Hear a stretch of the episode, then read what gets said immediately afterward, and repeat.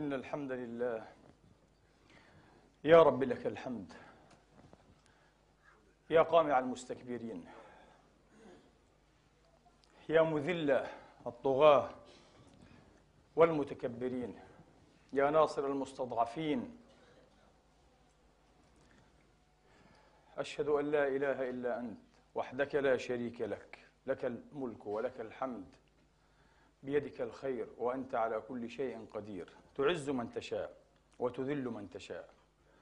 وأشهد أن سيدنا محمدًا عبدك ورسولك ونبيك وحبيبك وصفيك وخليلك.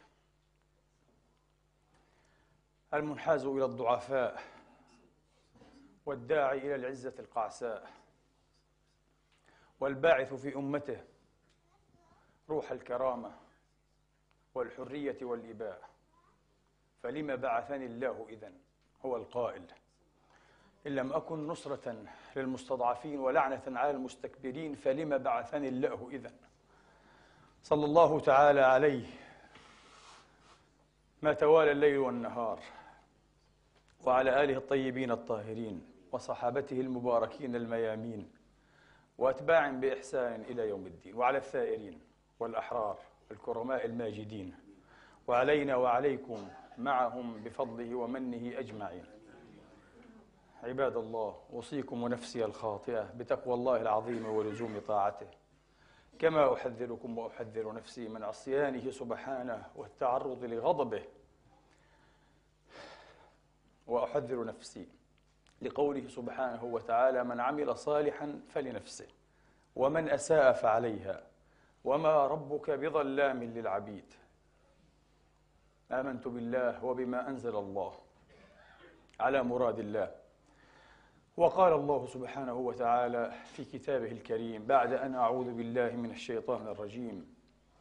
بسم الله الرحمن الرحيم. وقال الذين كفروا لرسلهم لنخرجنكم من أرضنا أو لتعودن لنخرجنكم من أرضنا أو لتعودن في ملتنا فأوحى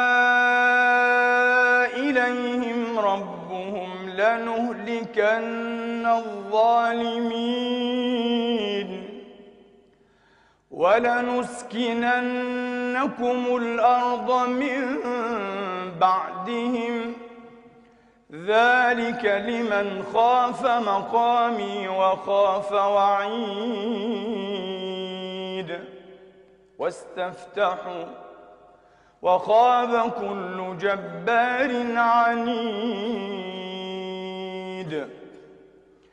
واستفتحوا وخاب كل جبار عنيد.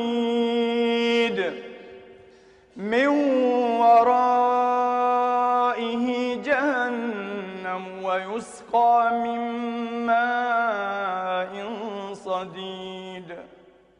يتجرعه ولا يكاد يسيغه ويأتيه الموت من كل مكان وما هو بميت. ومن ورائه عذاب غليظ. يتجرعه ولا يكاد يسيغه ويأتيه الموت من كل مكان وما هو بميت ومن ورائه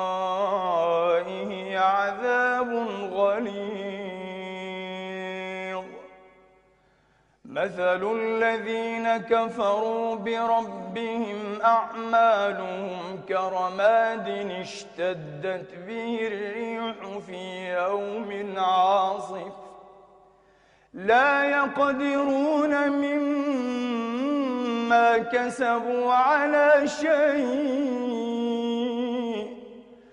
ذلك هو الضلال البعيد.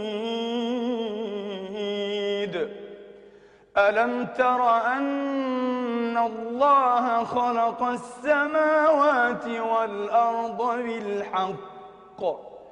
إن يشأ يذهبكم ويأتي بخلق جديد.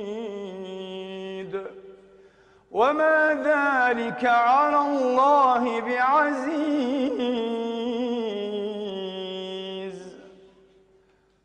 صدق الله العظيم وبلغ رسوله الكريم ونحن على ذلك من الشاهدين. اللهم اجعلنا من شهداء الحق القائمين بالقسط. أحينا على ذلك وأمتنا على ذلك وابعثنا بين يديك الكلمتين على ذلك وهنئنا برضوانك وقربانك وأدخلنا الجنة مع القائمين بالقسط من الناس بفضلك ومنك آمين. قال الشعب امشي. قال مش ماشي. قال الشعب ارحل. قال مش حرحل فكذب, فكذب وصدق الشعب وقال الله وقال الله إني معكم لئن أبصرتم واستبصرتم وصابرتم وصبرتم لأكفرن عنكم جرم ذلكم ولأنزعن من بينكم طاغيتكم ولأغسلن أرض مصر ولأطهرنها أرضها برها وبحرها سماءها وقاعها بماء الحرية ممزوجا بكافور دم الشهداء. هذا ما قاله الله وصدقته الأحداث. أين الطاغية اليوم؟ بل أين الطاغية اليوم وأين الطاغية مذ أمس في أبو ظبي؟ الطاغية في أبو ظبي أيها الإخوة. رآه من اتصل اتصالا مباشرا ينزل في المطار. وبث خطابه الأكتع. بثت كلمته البتراء بعد أن كان هبط في لا منجاة إن شاء الله تبارك وتعالى. من ورائه جهنم ويسقى من ماء صديد. لأنه لا يعجز الله تبارك وتعالى. وإني أنا الله إذا قضيت أمرا فإنه لا يرد. وقد قضى الله عليه وعلى ضغمته وعلى زمرته. من الخولة من الخونة الظلمة السلابين النهابين هتاكي الأعراض الكافرين بالحرمات المنتهكين لكل مقدس. قضى الله عليه وعليهم بالبوار إن شاء الله تبارك وتعالى. فلم يبق لهم باقية. فصاروا دون الدون وتحت التحت فما بكت عليهم السماء والأرض وما كانوا منظرين. لعائن الله عليهم أجمعين وعلى من والاهم وعلى من رق لهم وعلى من دارها عنهم وعلى من حامى عنهم. وبارك الله الأمة. ومجد الله الأحرار وحمى الله بيضتنا وأعلى الله شأننا ووحد فرقتنا ولم شعثنا ورأب صدعنا وأعلى مقامنا وأظهر عزنا وأظهر أمننا. اللهم آمين. هذا ما قضى الله. قال الطاغية وقال الشاعر. فصدق الشاعر وكذب الطاغية. قال الشاعر وقال مفتي السلطان. فصدق الشاعر وكذب مفتي السلطان. لأن الشاعر وعى الحقيقة التي لم يعها أمثال هؤلاء من وعاظ السلاطين. من الشياطين الخرساء والبكماء. الحقيقة أن الشعوب لم تتغنى يوما للذكاء إنما تغنت للبطولة. والبطولة اليوم أيها الإخوة يجترحها الشباب والشابات. يجترحها الذين سالت بهم سيول شوارع مصر والقاهرة والسويس. هذه هي البطولة. البطولة ليست في المحاولة المفضوحة الفائحة الريح في تزييف وعي أمتك وشعبك الهضيم المهضوم المظلوم المكسور. ألم تسمع بأخبار عشرات المليارات التي سرقت ونهبت حتى رغيف خبز يومنا أيها الإخوة. حتى رغيف عيشنا سرقوه منا. لم يبقوا لنا باقية.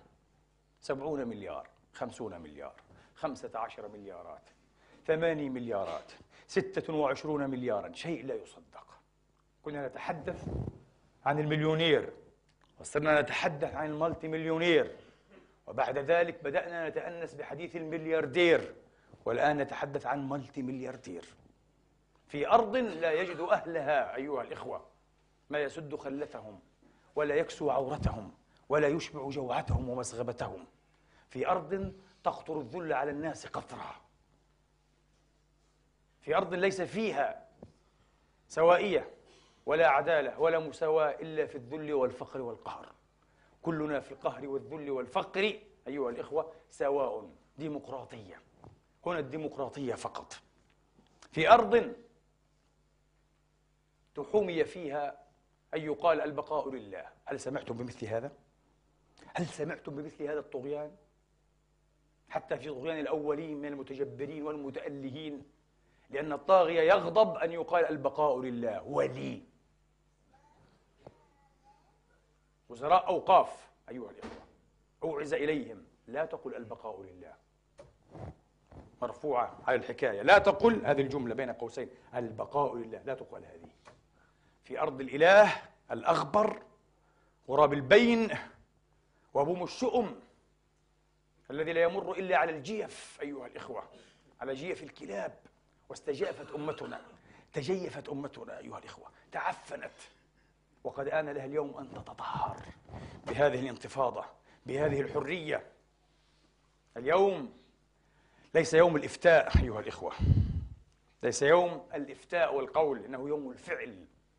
يوم المجادة يوم الزكاء مصر عبرت الحدود بفضل الله تبارك وتعالى. جاوزت القنطرة.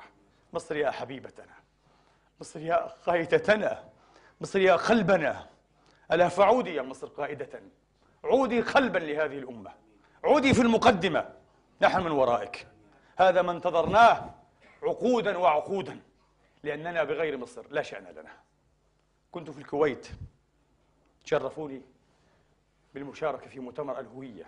أخي الحبيب أخي الأكبر الأستاذ المفكر حقيقة الذي يوم اقتربت منه عرفت حقيقته وعرفت أنه رجل مؤيد من الله والله والله ما عرفته من قبل كذلك. وأنا أدعو له في السر والعلن فادعوا له في سركم وعلانيتكم. الأستاذ الدكتور طارق السويدان أمة من الناس وحده والله هو وحرمه وإخوانه وجنده المجهولون والمعلومون شيء عجيب أمة. يقوم بما لا تقوم به مؤسسات وحكومات. شيء لا يصدق. والشباب والشواب النبغاء الأكاديميون المتفتحون الملأى والملآوات أيها الإخوة بالمطامح والتأميلات بالفكر الحر النزيه بالفكر الإسلامي الطاهر الأبر أيها الإخوة يحدقون به ويأتون من كل حدب عميق من السعودية من الأمارات من عمان من مصر من الكويت من كل مكان بالألوف. بالألوف. شرفوني بالدعوة لأشاركهم في مؤتمرهم.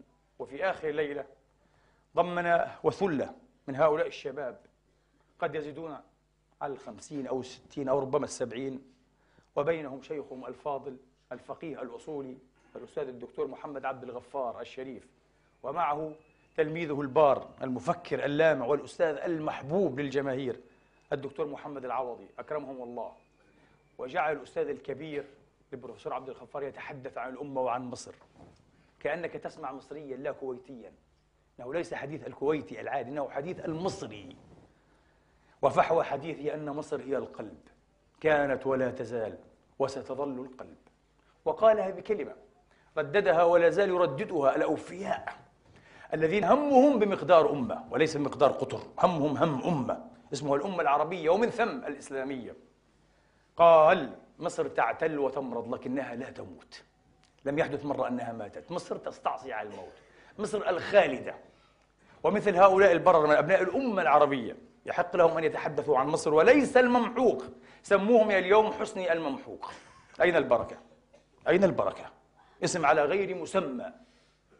لو سئلتم سؤالا ما هو الاسم الذي فارق مسماه من كل وجه؟ قولوا حسني مبارك. هو شين المحق والعياذ بالله. والله ما فيه حسن لا في وجهه البقراوي ولا في لسانه الذي يتخلل كما تتخلل البقرة ولا في خطابه ولا في كلامه الملحون. يزعم أنه كان يأتي الأول في العربية. لا يعرف شيئا من العربية أيها الإخوة. كم مرة بالأمس رفع المنصوب ونصب المرفوع وصرف ما يمتنع صرفه. وهو له مكتوب. وتحفظه غير مرة هذا الأبلة الأخرق. آه. حسني هو الشين والعياذ بالله. هو الشين شين المحق الممحوق وليس المبارك. لعنة الله عليه في الأولين والآخرين. لعائن الله عليه متتابع إلى يوم الدين. يا أخي ما هذا الطاغية؟ يقولون عنده دكتوراه. هو يقول أخبرنا أن لديه دكتوراه في العناد لكن لم يخبرنا أنه أخذها من من أكاديمية الغباء.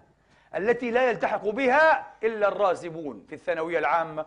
وقد شاهدنا شهادته في الإنترنت والفيسبوك. راسب راسب راسب راسب الشهادة الحقيقية.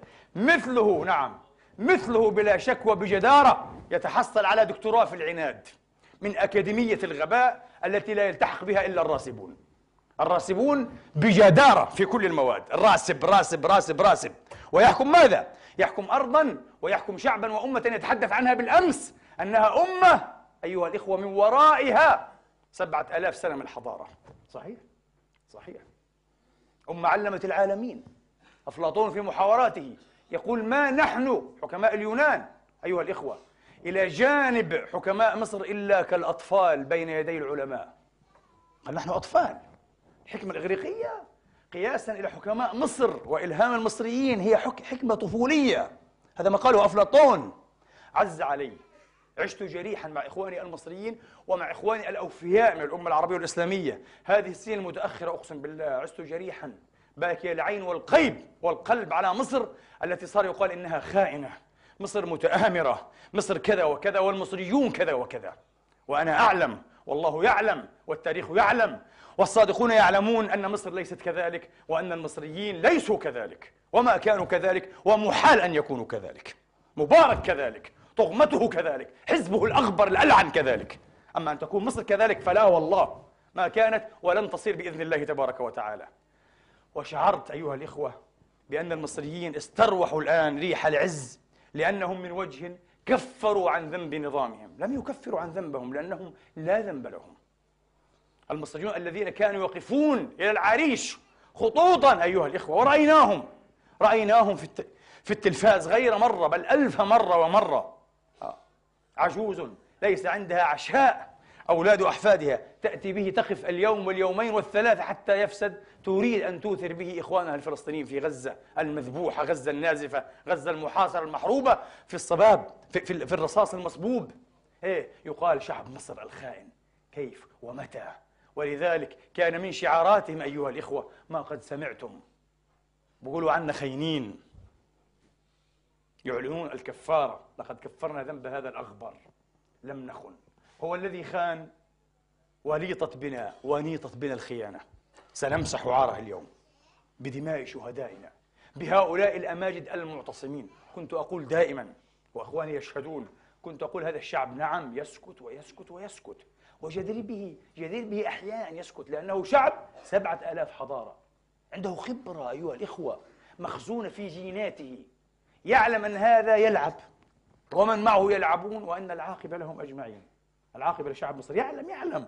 كنت أقول لهم لكن إذا ما تحرك هذا الشعب سيلقن الدنيا العجب أيها الإخوة. سيريها أليس كذلك يا أبو عمار؟ وقال لي كنت أنكر هذا منك. لماذا تراهن كل هذا الرهان على المصريين؟ ويوم وقعت الواقعة وزلزلت مصر زلزالها وأخرجت مصر العالمين أبطالها أبناءها وبناتها وحدث العالمون بأخبارها وحدثت هي أخبارها. جاء فقال لي صدقت يا شيخنا. لقد لقد كان رهانك في المحل. لقد كان رهانك. هذه مصر. هذه مصر أيها الإخوة. آه. هذه مصر التي أوصانا بها رسول الله فاتخذوا منها جندا فإنهم خير أجناد الأرض. في المنعطفات التاريخية الأكثر حراجة وحسما كانت مصر دائما تأتي لتقدم طوق الإنقاذ لهذه الأمة أيها الإخوة. وتنجح مصر حيث يفشل غيرها. وإن نجح غيرها فلا ينجح إلا إذا عضته مصر. إلا إذا عضدته مصر إلا إذا دعمته مصر. أما أن ينجح وحده حتى الشام لا تنجح وحدها. لابد أن تأتي مصر. لابد أن تأتي مصر. اقرأوا التاريخ. لا تكذبوا على التاريخ. لا تكذبوا على الحقائق. هذه مصر. وقد عادت مصر بإذن الله تبارك وتعالى. الآن سنرى مصر أيها الإخوة. تكتحل أعيننا أعين الأمة كلها. إخواني قال الأستاذ عبد الغفار الشريف حفظه الله وأبقاه وأمتع به قال وإذا استيقظت استيقظت الأمة كلها لا مستقبل لنا بلا مصر. والأعجب من هذا ورأى معي إخواني بين هؤلاء الطلاب المنعمين المترفين في أرض الكويت المباركة أغنياء أبناء عائلات وذوات وأكاديميون لكنهم مسلمون طاهرون. همهم الأمة. شيء عجيب رأينا في الكويت شيء شيئا عجبا والله العظيم. لقد انفسح الأمل أمامنا. علمنا أن الغد لهذه الأمة. ألوف الشباب ألوف الشباب والشابات. ألوف الشباب من الأذكياء. رأينا من قياسه على الآي كيو 149 درجة.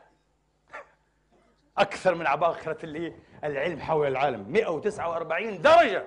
يقود العمل الإسلامي ويهتف بعز الأمة. أه؟ بسم الله وباسم رسول الله أيها الإخوة وباسم أمته وحرية أمته. من الإسلاميين هكذا. العجيب رأينا اثنين منهم ولهم تجربة في الثورة المصرية. كيف؟ ما شأن هذا الأكاديمي الشاب الذي مستقبله كله أمامه بمصر وثورة مصر. ليس اهتماما مثلنا أيها الإخوة. اهتماما افتراضيا عبر الإنترنت أو رمزيا عبر المنابر وعبر المقالات الصحفية. هذا الاهتمام الرمزي بل اهتمام انخراطي حقيقي. قد كان يمكن أن يعمد بالدم وأن يعمد الدم الشهادة. رأينا اثنين في حلقة واحدة أيها الإخوة كما قلت ربما بين الخمسين إلى السبعين كانوا في ميدان التحرير. والله العظيم شيء لا يصدق. استقلوا طائرتهم تركوا الكويت تركوا كل شيء وأنا متأكد أنهم ربما عزموا على أن يتركوا حياتهم ومستقبلهم. المستقبل هناك حيث الحرية حيث يسعى. أنا هكذا أنا أرى الشعب المصري أيها الإخوة يقف جميعا كل وبيده حبل والحبال كلها قد شدت شمس الحرية تخرجها من محبسها. يخرجون الشمس أيها الإخوة. هكذا أراهم. يا ليت أن فنان يسمع كلامي هذا ويعيد إنتاجه في صورة أيها الإخوة. يصوره لوحة. يصور المصريين وقد أخذوا بهذه الحبال يستخرجون شمس الحرية والكرامة من محبسها أيها الإخوة لكي تبدد ظلمات الليل البهيم. ليس على أرض مصر ليس في سماء مصر الضحيانة وإنما في سماوات العرب ومن ثم في فضاء الإسلام بإذن الله تعالى. ولعله في فضاء العالم. لعله مع هذه الثورة يتغير تاريخ العالم بإذن الله. أعلم أنهم يمكرون وأعلم كما قال جيبس اللعين هذا المتحدث باسم إيه؟ البيت الأبيض أن لنا خططنا وعندنا السيناريوهات الجاهزة. نعلم هذا لكن علمنا الله يمكرون ويمكر الله والله خير الماكرين. لا تكذبوا علينا. لا أحد يقول إن ما حدث في تونس. تونس الخضراء تونس الحبيبة الملهمة البادئة الفاتحة. بخير فاتحة. ما حدث في تونس الحبيبة كان مكرا وكان خطة. لا أحد إلى الآن تواقح وتجارأ وتجاسر على أن يفوه بهذه الكذبة لأنها كذبة. وقاح أيها الإخوة. كذبة نغلة بنت حرام لا أب لها حتى ولا أم. لذلك لم يقولها أحد لم يتبنى أحد. لم تتبنها لا أم لا أم ولا أب أيها الإخوة. لكن يقال هذا في مصر. يقال هذا في مصر. يقال هذه الملايين التي قد تبلغ اليوم 20 30 40 مليونا. بعض الناس يقول اليوم قد تبلغ 40 مليونا. إن لم تبلغها اليوم غدا ستبلغها بإذن الله تعالى.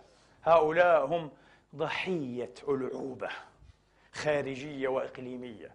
كلام فارغ من يصدقه على كل حال أقول كما قلت أيام حرب العراق. أقول كما قلت أو أيام المقاومة العراقية للأمريكان في العراق. لا بأس. قولوا ما تريدون. اهرفوا بما تريدون مما تعرفون ومما لا تعرفون. على كل حال الرهان أيها الإخوة على هؤلاء السائلين في الشوارع تسيل بهم الشوارع. هؤلاء كل منهم خرج وهو يعلم لماذا خرج. لم يدفع له أحد ولم يوقع على إيه؟ على عقد مؤامرة مع أحد. لذلك لن ينفع هذا الكلام. هذا الكلام سينفع المتخاذلين والمخذلين والجبناء والقاعدين والعملاء أيها الإخوة العاملين للداخل والخارج. سينفعهم وهؤلاء لا تأثير لهم. قاموا أو قعدوا لا ننصر بهم كما لا نضر بإذن الله تبارك وتعالى. الرهان على هذه الملايين. هذه الملايين هي التي تصنع الحدث اليوم. هي التي تجترح أيها الإخوة التاريخ. تصنعه على عين الأمة. في عين المكان. الآن وهنا يصنع تاريخ الأمة. ليس في ميدان التحرير فقط. هذا رمز أيها الإخوة مكثف. وإنما في مصر كلها. آن لحافظ إبراهيم أن يبعث من مرقده وأن يعيد قصيدته إنشادا وأن يعيدها صياغة أيضا. وقف الخلق ينظرون جميعا. كيف أبني قواعد المجد وحدي وبناة الأهرام في سالف الدهر كفوني. كفوني الكلام عند التحدي. أنا تاج العلاء في مفرق الشرق ودراته فرائد عقدي. هذه مصر أنا إن قدر الإله مماتي. لا لا. لم يقدر ولن يقدر. مصر لن تموت بإذن الله. مصر تعتل وتمرض. مصر تنام. مصر تسخر بجلاديها بفراعينها وقوارينها وهوامينها تسخر بهم. حتى إذا جد الجد أيها الإخوة لقنتهم درسا وأقامت منهم للعالمين عبرة. وقد فعلت وستفعل بإذن الله تعالى. وسنرى ما تفرح له قلوب الأحرار والحرات الماجدات. حول العالم بإذن الله تعالى. أنا إن قدر الإله مماتي لا ترى الشرق يرفع الرأس بعدي. صدق حافظ إبراهيم. أنا إن قدر الإله مماتي لا وقد رأينا هذا. رأينا حين قدر الإله نومة مصر نامت الأمة. تخاذل مصر تخاذلت الأمة. دهان مصر النظام المصري طبعا. الساداتي الخسيس داهنت الأمة. والآن بإذن الله تعالى سعدنا بأن نرى مصر تنفض عنها كما قلت لباس الذل وغبار الهون وتكسر أصفاد وأغلال العبودية والاستدلال والاستخذاء وسنرى الأمة تفعل الفعل نفسه من وراء مصر وبإلهام مصر ووحيها بإذن الله. بإلهام مصر ووحيها. أنا إن قدر إله مماتي لا ترى الشرق يرفع الرأس بعدي ما رماني رام وراح سليما. عناية الله من قديم من قديم عناية الله جندي. أبدا. مصر الله تبارك وتعالى أيها الإخوة يصنع لها. الله يحوطها الله يحميها الله لا يسلمها. ما رماني راما ما رماني رام وراح سليما من قديم عناية الله جندي.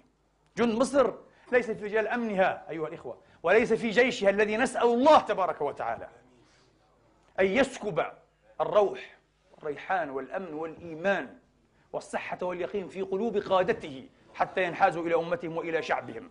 اللهم املأ قلوبهم رحمة وحبا وتضامنا وتعاطفا وانحيازا وانعطافا إلى شعبهم وثورة شعبهم. بحق لا إله إلا الله في هذا اليوم المبارك من هذا المكان المبارك القدس. اللهم آمين. وأخسئ المتآمرين وأبطل مكر المكارين في الداخل والخارج. أمن العدل أنهم يردون الماء صفوا وأن يكدر وردي تقول مصر على لسان حافظ. أمن العدل. أنهم يردون الماء صفوا الديمقراطية الحرية. في العالم كله الآن تسبح ومصر محرومة منها؟ لماذا؟ لماذا يراد لمصر أن تحرم منها؟ أمن العدل أنهم يردون الماء صفوا وأن يكدر وردي؟ أمن الحق أنهم يطلقون الأزد منهم وأن تقيد أزدي ألا فافرحي بالأساد يا مصر؟ الأساد في الشوارع اليوم. إنهم بالملايين. لم يعودوا مقيدين. إنهم بالملايين ولم يعودوا ولن يعودوا مقيدين. نظر الإله لي فأرشد أبنائي العلا فشدوا أي شدي. فشدوا أي شدي. قد وعدت العلا بكل ماجد من أبنائي. فها هم اليوم ينجزون وعدي. والله العظيم لكأن حافظ في ميدان التحرير. والله لكأنه في ميدان التحرير وفي قلب الإسكندرية والسويس وغيرها وغيرها وغيرها. قام هؤلاء الأماجد اليوم ينجزون وعد المجد. على ضمير مصر وبلسان مصر أيها الإخوة. إنهم ينجزون الوعد لا نقول إن شاء الله لأن الله قد شاء. لا نقول ينجزون الوعد إن شاء الله لأنه قد شاء. شاء أن ينجزوه وقد أنجزوه أراني منفعلا حقيقة لكن انفعال أيها الإخوة لست أبرأ منه. لذا أريد أن أكمل خطبتي على عجل. وأن أذكر ببعض الأمور أيها الإخوة. تشبه أن تكون دروسا لا تستنفذ العبرة منها على كر الأيام والليالي. أولا علي وعليك أخي المسلم وعليك أختي المسلمة. لا أدري ما هو عنوانك ولا ما هي حيثيتك. عاملا أنت. كنت عاملا. عاملا كنت محترفا طبيبا مهندسا عالما سياسيا لا أدري. وربما لا يعنيني أن أدري. لكن عليك أن تدري وأنا من قبل. أن الله تبارك وتعالى لا يعجزه أحد ولا يخدعه أحد ولا يفوته أحد. وله في تصاريف أمره في خلقه وعباده شأن يدهش ويحير ويذهل الألباب. ثلاثون سنة والله يمد له مدا. ثلاثون سنة حتى أيقن الطاغية المأفون أيها الإخوة. وبالمناسبة أنا أقترح أن يعطى الرجل جائزة نوبل في البلادة والبلاءة والله العظيم بجدارة على مستوى زعامات العالم. رقم واحد في العالم. وبلا شك دكتوراه العناد من أكاديمية الغباء يستأهل صاحبها جائزة نوبل أيها الإخوة. يقف بالأمس هكذا. هذه وقفة رئيس. هل رأيتم الخطاب؟ اقرأوه سميولوجيا اقرأوه علاماتيا أولا قبل أن نسمعه لفظيا لا يعنيني ها وينفخ. تعرفون لماذا؟ لا ينفخ في وجه الشعب. لقد ذلل الشعب أمس. فهمهم أكثر من زين العابدين. بالأمس أربع خمس مرات يعتذر عن شهدائهم. أليس كذلك؟ يتباكى لدماء شهدائهم. لم يفعلها مرة واحدة في الخطابين الأبترين السالفين. بالأمس قالوا له يا بليد يا بليد لابد أن تبكي شهدائهم لا نستطيع لا نستطيع ما من سد يمكن أن يوقف هذا الطوفان. لا يريد لأنه عنيد. يقول لا يريد. لأنه يريد ذبح كل واحد من هؤلاء. من أسبوعين. وأنا أستذكر مقولة برتولت بريشت. الأديب الشهير أيها الإخوة. الذي يقول قالوا للزعيم البرلمان لا يريد كذا وكذا. قال فليحل البرلمان. قلت لا هذا الزعيم نص طاغية. طاغية مصر يقول فليحل الشعب. ليذهب الشعب إلى حيث إيه شاء إلى حيث ألقت. وأبقى هنا وحدي. مش البرلمان. طبعا هذا في المنطق الغربي غريب. أن يقال للزعيم فيقول فليحل البرلمان. لا يحصل هذا. لكن لدينا يقال فليحل الشعب. يذهب الشعب إلى حيث شاء. بريشت لم يبلغ بخياله هذا المستوى يعني. أردوغان. الطيب والله. اسم على مسمى. الطيب. طيب الله ذكره وأيامه. وطيب مستقبل أمتنا به وبأمثاله يقول له نحن بشر نحن فانون لا أحد يبقى. ليس واعظا. أردوغان ليس واعظا. بالعكس سياسي ومحنك جدا. ولغته بالغة التخفي أيها الإخوة. لكنها مفهومة للأحرار. لا يمكن تكون مفهومة لخريج أكاديمية الغباء. حامل نوبل في البلاهة والتنبلة. لا يمكن أن يكون فهمها. يقول هذا الشيخ. ده ما خريج مدارس إيه؟ قرآنية. يفهم إيه ده؟ إيه؟ آه مولانا الشيخ أردوغان. ممكن يقول هيك مبارك. عادي عادي. آه. لكن أردوغان يريد أن يقول له لا تكن كجدك فرعون الأول فرعون موسى. هذا ما أراده أردوغان. لست إلها يا مبارك يقول له يا ممحوق. لست إلها. حتما ستموت. لا تقع فيما وقع فيه جدك الأول فرعون اللعين فرعون موسى. لكن هذا فرعون يبدو أنه أسوأ من فرعون موسى. فرعون موسى أيها الإخوة آمنت بالذي آمنت به بنو إسرائيل. هذا لم يعلنها حتى. بالأمس يقول لنا بغطرس أيضا وقحة. أنا لا أستنكف يعني؟ لا أمتنع أن أستمع إلى أنت تحكي تستنكف؟ إلى الآن أيها الأبلة تظن أن الأمر بيدك؟ ومفاتيح تصاريف الأمور بيدك؟ الشعب أصلا لم يعد يريد أن تسمع له ولا أن تفهم عنه. أدنى مطالب الشعب أن ترحل إلى جهنم. أدنى مطالبه. إلى حيث ألقت وبعد ذلك سيواصل ثورته المباركة كما فعل التوانس العظام. المجد سيواصل التنظيف. المسألة ليست مسألة رئيس إنما مسألة نظام. أيها الإخوة متعفن مجرم. نظام أيها الإخوة لا يفقه شيئا. نظام جماعة لصوص وسراق وقتلة فقط. أك... ليسوا أكثر من هذا ولا أحسن من هذا. ليسوا أكثر من هذا ولا أحسن من هذا. فانظروا إلى عجب أيها الإخوة تصريف الله الأمور. ثلاثين سنة أمهله الله. ثلاثين سنة أمهله الله. آه حتى ظن الرجل أنه يعجز ربه. وانظروا كيف كانت نهايته. بدأت تلوح. طبعا الآن هو إيه؟ طريد. آه. لا أقول يتململ. آه. إنما يتقلقل في أبو ظبي هناك.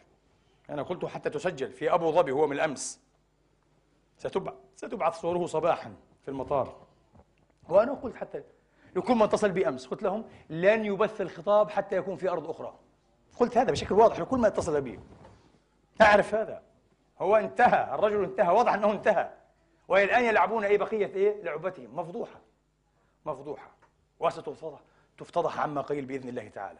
فأقول أن كل من انتمى إلى حزب أيها الإخوة وتحيز إلى جماعة مثل هذه الجماعة اللعينة أه؟ باسم الوطن الحزب الوطني لكل عالم لكل عمامة لكل شيخ لكل من حمله الله أمانة القلم وأمانة اللسان والخطاب أقول لهم ليكن لكم في الممحوق عبرة.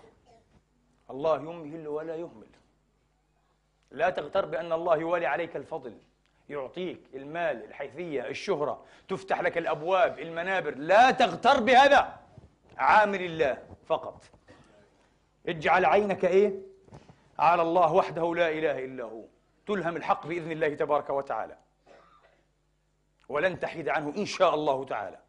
تعيش سعيدا شريفا وتموت ماجدا مكرما أو شهيدا زكيا مش بدك أحسن من هيك؟ قل هذا لكل أحد. عبرة انتهى. انتهى كل شيء. ستسمعون بعد أيام أو أسابيع. كيف جمدت كل أمواله؟ الآن هيئات قانونية في مصر وخارج مصر. أنا متأكد سوف تكون بالعشرات إن لم تكن بالمئات. تطالب بمحاكمة. لا بد أن يجب أن يحاكم. لأن كل العفن سوف يظهر للناس عاد. قتل الناس في البيوت رمي الناس من الطابق الخامس والسادس من غير محاكمات رمي أمام أولادهم. شيء لا يصدق. مصر كانت وضعا يعني غير معقول يا إخواني. غير معقول بالمرة. هذا كله سيظهر وسوف يحاكم كل هؤلاء بإذن الله تبارك وتعالى. هذه واحدة. الثانية أخص بها إخواني الدعاء والعلماء والمشايخ الذين قرحونا قرحوا قلوبنا آلمونا أحزنونا. لن أدعو عليهم. سأدعو لهم. أسأل الله أن يلهمهم رشدهم. أسأل الله أن يعود, أن يعود بهم إلى خط أمتهم. يحرمون التظاهر إذا صب الرصاص على غزة. إذا أحرق الناس أيها الإخوة بالفسفور الأبيض التظاهر محرم. بدعة. هذه بدعة. يحرمون التظاهر أيها الإخوة والصراخ والصياح والبكاء والمناشدة حتى. إذا ابتلينا بظالم طاغية مثل الممحوق محرم علينا. ممنوع أن نفعل. هذا يغضب الله يقلقل الاستقرار. إذا متى يحل التظاهر؟ في حالة واحدة. انظروا الفقه فقه عجيب ما شاء الله. هذا الفقه السلطاني المصنوع في القصور هذا لم يصنع في الشوارع انتبهوا ولا في المساجد. هذا الفقه صنع في وصدر من القصور للجماهير. لا أحد يصيخ إليه. أنهم يبصقون أيها الإخوة. أنا متأكد أقل شيء يبصقون على من قاله وعلى هكذا فقه. كما قال أحد اللطفاء قديما ضرط إبليس على هكذا فقه. هكذا قال علماؤنا فقهاء. قالوا فقه هذا؟ ضرط إبليس عليه حتى. على هكذا فقه. فقط في حالة واحدة يسمح بالتظاهر لاستبقاء الطاغية. آه. لابد إيه؟ أن تخرج أيها الإخوة جحافل الناس ليستبقوا الطاغية ليهتفوا باسمه باسم ذباحهم. لأن القط لا يحب كما يقول الشاميون إلا خناقه. من محبي خناقيهم هذه الحالة يجوز غير هيك لا يجوز. من أجل الله لا يجوز. من أجل دينه لا يجوز. من أجل شرف الأمة لا يجوز. من أجل الضعفاء والمستذلين والمهنين لا يجوز. من أجل الحرية ضد الطغيان والديكتاتورية لا يجوز. من أجل الذباحين الخونة يجوز. يجب يجب. فضيلة من الفضائل بل واجب من الواجبات؟ شيء عجيب ما هؤلاء؟ لكن ما شاء الله ميدان التحرير وغيره يضج بمئات وألوف من الأزهريين برضو. الشرفاء أيها الإخوة. بهذه العمائم الصغيرة البيضاء على قلنسوة حمراء فيها شريبة حمراء زي الأزهري. والآن سأحكي لكم قصة حرج علي أخي الحبيب الداعي الموفق الدكتور العوضي أن أحكيها. قال لي احكيها أرجوك احكيها لا تضيعها. احكيها للناس قولها للناس.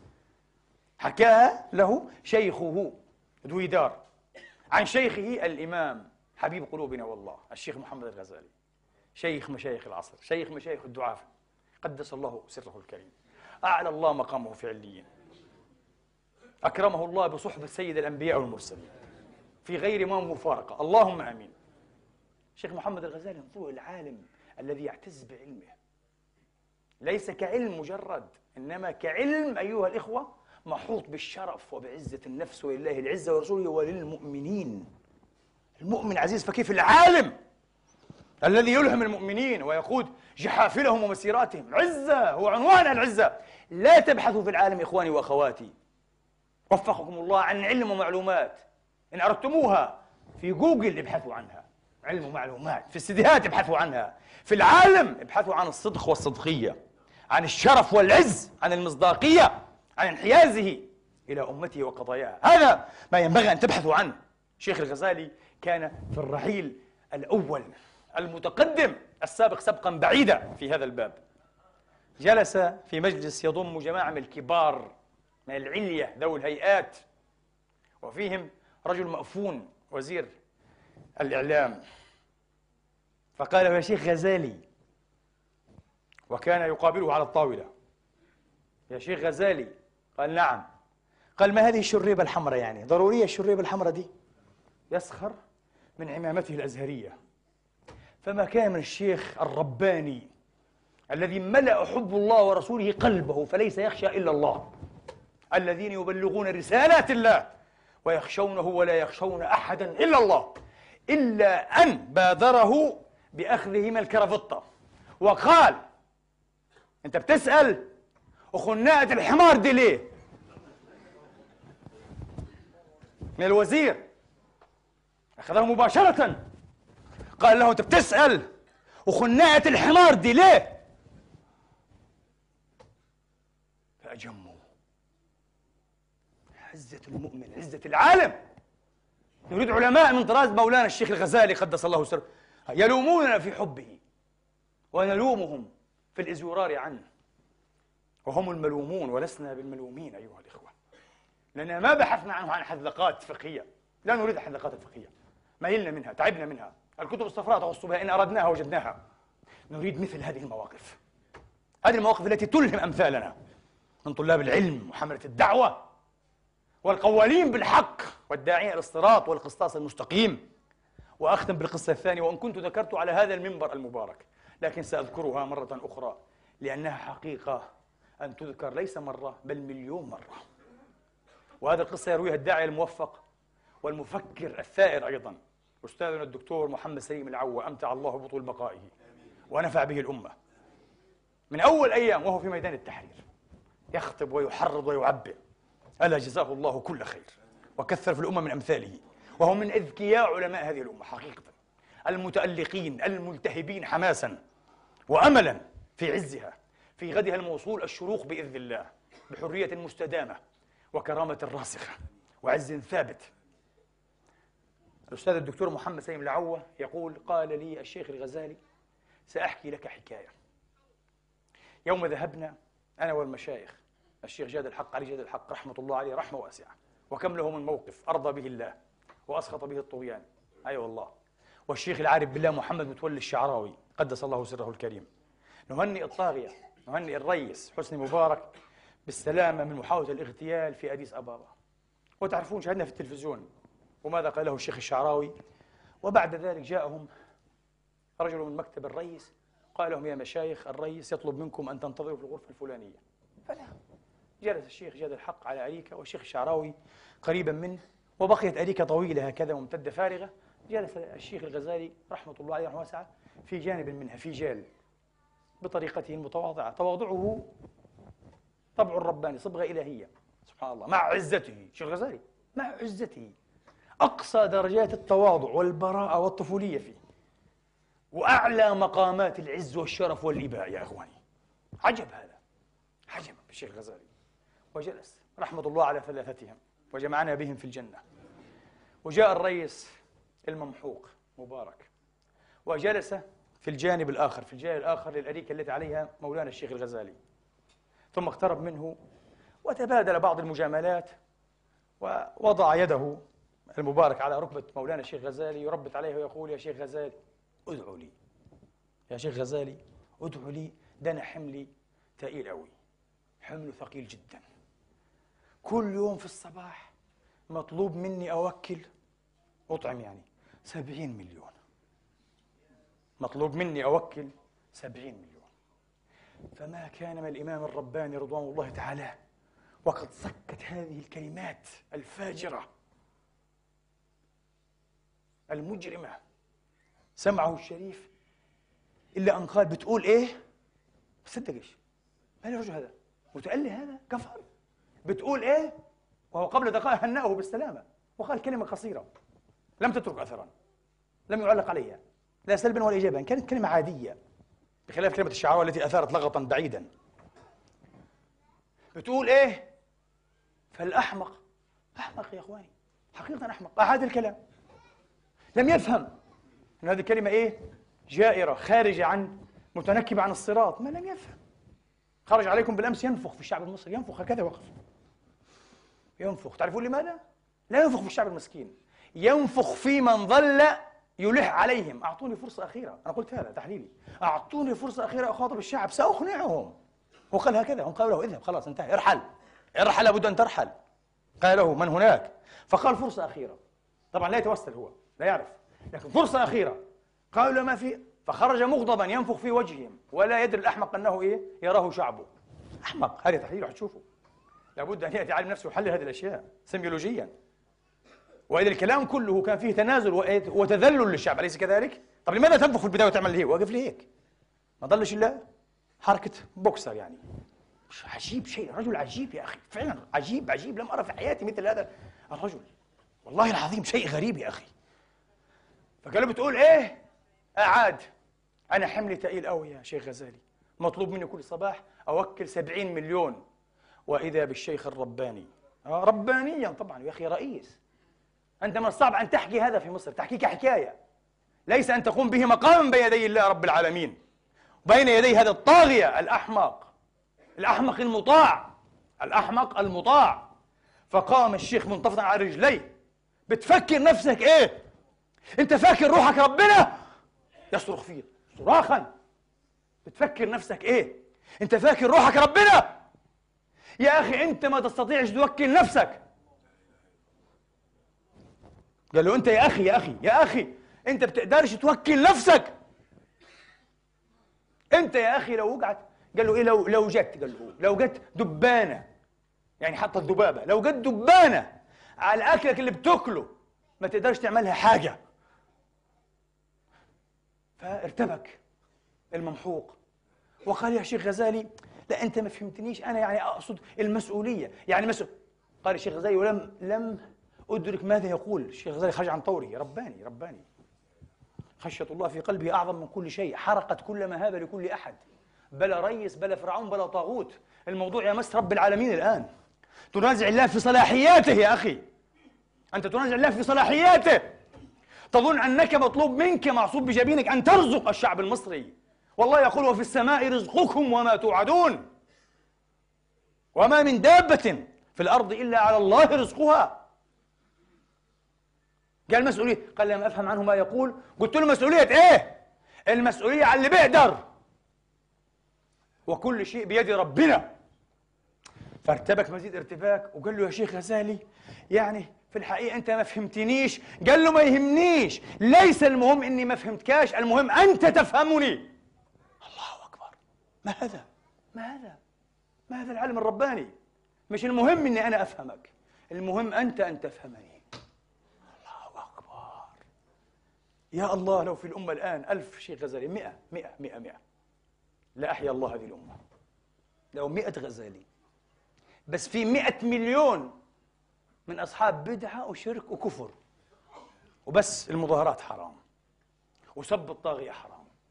والكتابة عنه حرام. والخطابة عنه حرام. في مئة مليون من هؤلاء. علماء ومتعلمين وطلاب علم. هداني الله وإياهم أجمعين وإياكم. المهم قال له أنت تفهمني. وبعدين جلس الشيخ الغزالي وقال له يا أخي يا أخي هكذا. يا أخي ربنا بيقول وفي السماء رزقكم وما توعدون.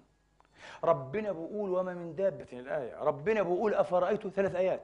سردها عليه. أفرأيتم ما تشربون؟ الماء الذي تشربون. أأنتم أنزلتموه من المزن أم نحن المنزلون؟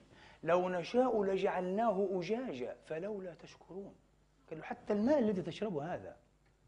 هو هكذا عذب مستعذب بقدرة الله وتصريفه. ولو شاء الله لجعله أجاجا ولما شربه أحد. قال له تفكر نفسك. إيه فجعل يعتذر يقول الشيخ الغزالي جعل يعتذر بكلام يفهم أنه أدرك خطأه وأنه وافق الشيخ. يقول مولانا الشيخ غزالي ونظرت إلى الشيخين الجليلين فإذا بأعلاهما سنا. وهو الشيخ الشعراوي رحمة الله عليه. قد أسند ذقنه إلى عصاه ونكس رأسه وأغمض عينيه. طبعا من فرط التأثر. وتلمحا للمقام الذي أقام الله فيه الشيخ الغزالي وحرمه منه. أكيد. أكيد تحسن على نفسه. يا ليتها كانت لي. مقام وأي مقام. لا تقول لي علم ولا إمامة ولا تفسير ولا شعر ولا أدب. هذا هو. هذا هو. كلمة موقف بين يدي طاغية يعليك إن شاء الله يا مولانا. بين يدي رب العالمين. أنا موقن بهذا. قال وإذا بأعلاهما مقاما. شيخ الأزهر العلامة جاد الحق رحمة الله عليه رحمة واسعة. وإذا به قد أسند رأسه إلى الكرسي وأغمض عينيه تحت نظارته. قال نظرت إليهما لعلهما يعيناني بكلمة. الموقف تكهرب بالكامل. والريس سكت والشيخ سكت. قال وأدركت ما قمت به. فورة ربانية طبعا. خرج عن طوره إلهيا. ما في. يعني أدرك. لو كانت بالعقل ما قالها هي مش بالعقل. بالروح. الروح المسبحة في الملكوت يا إخواني. قال ثم قمت واستأذنا وأبى الرئيس إلا أن يخرج لصحبتنا حتى يبلغنا السيارة. قال فسبق إيه؟ تقريبا الشيخ الشعراوي فجلس إلى جانب السائق واستدار الشيخ جاد الحق وفتح باب السيارة من الجهة الثانية وجلس. وكنت أبطأهما خطوة وكنت أبطأهما خطوة. الشيخ الغزالي يمشي شوية شوية يعني. قال فرافقني يا الرئيس ولما اقتربت لأفتح باب السيارة سبقني وأخذ باب السيارة. فأخذت خطوة أرجوك لا تفعل يا ريس أرجوك. قال لا يا شيخ غزالي ده مقامك. شوف ما في. كساه الله الجلالة. بعد كل الكلام هذا قال ده مقامك. وقلتها مرة وسأقولها رغم أنني لعنت الرجل اليوم. أنا أحكي ضميري أنا هكذا. سبحان الله لا أدري أنا أختلف. أحكي ضميري. أيضا هذه الكلمة وهذا الموقف من مبارك لعله ينفعه يوم يقوم الناس رب العالمين. أقول ضميري لكن ما فعله القتل الذبح السرقة كله سيجزى به. لكن هذا المقام أنا متأكد الله لن ينساه له أيضا. قال له يا شيخ غزالي ده مقامك. وفتح له باب السيارة وقال له تفضل. آه. لم يحقره لم يغضب منه. آه. وبدأ الشيخ غزالي يدخل وقال له إيه؟ يا شيخ غزالي ادعي لي. والله أنا بحبك. مبارك. قال الشيخ الغزالي رحمة الله عليه رحمة واسعة وانصرفنا أوصل السائق الأول ثم الثاني وكنت إيه؟ آخرهم في التوصيلة. واتصل بي إما في نفس الليلة ربما الشاك الشيخ الدكتور سليم العوة طبعا وإما في صباح اليوم التالي. انتهينا إحنا خلاص ما في داعي له انتهينا. في صباح اليوم إيه؟ التالي. كل منهما يدعو لي ويقول يا شيخ غزالي لقد قمت بفريضة كفاية. لم نستطع نحن أن نقوم بها. طبعا كلمة مجرمة كلمة كافرة التي قالها هي مبارك. يطعم سبعين مليونا. ينازع الله في صلاحياته لا إله إلا هو. لكن لم يستطع الشيخ الشعراوي لم يستطع جاد الحق استطاعها الغزالي. يقول الدكتور العوة مد الله في عمره ثم التفت إلي وضحك ضحكته الطفولية البريئة. الشيخ الغزالي بريء رجل بريء بريء. الذي في قلبه على لسانه. سر محبة العلماء الصادقين له والدعاء الكبار لأن الرجل أيها الإخوة ليس له ظاهر وباطن. باطنه كظاهره. سبحان الله. لا يجامل أحدا. أبدا أبدا. آه. لسانه أيها الإخوة مثله قلمه. قلمه مثل لسانه ولسانه مثل قلبه. ظاهره مثل علانيته. لذلك يعني إيه من عرفه واقترب منه أحبه حبا جما. وضحك ضحكته الطفولية وقال يا محمد للدكتور محمد سليم العوة. اسمع يا محمد بالله عليك لا تحكي هذه الحكاية إلا بعد موتي لأنني أريد أن يجعل الله ما قلت بين يدي الريس خالصا لوجهه الكريم في موازين يوم القيامة. لا أريد لا سمعة ولا الشيخ الغزالي ولا خطابات لا هذا لوجه الله عملت لوجه الله يبقى لوجه الله. بعد موتي قل لأنه ما في خلاص ما في رياء انقطع الرياء. شوف الرجل عجيب. قله بعد موتي لا تقله في حياتي ها؟ رجاء ينفعني الله به ورجاء أن يذكرني من يعرفني فيدعو لي بدعوة. ونحن نسأل الله تبارك وتعالى بأسمائه الحسنى وصفاته العلى وبنوره وقدسه وجلاله أن يعي مقامك يا إمامنا يا شيخ غزالي في جنات النعيم مع النبيين والصديقين والشهداء والصالحين وحسن أولئك رفيقا. أخلف الله علينا في مصيبتنا بهذا الشيخ خيرا منها. وكثر الله في الأمة من أمثاله وأقول هذا القول وأستغفر الله لي ولكم فاستغفروه.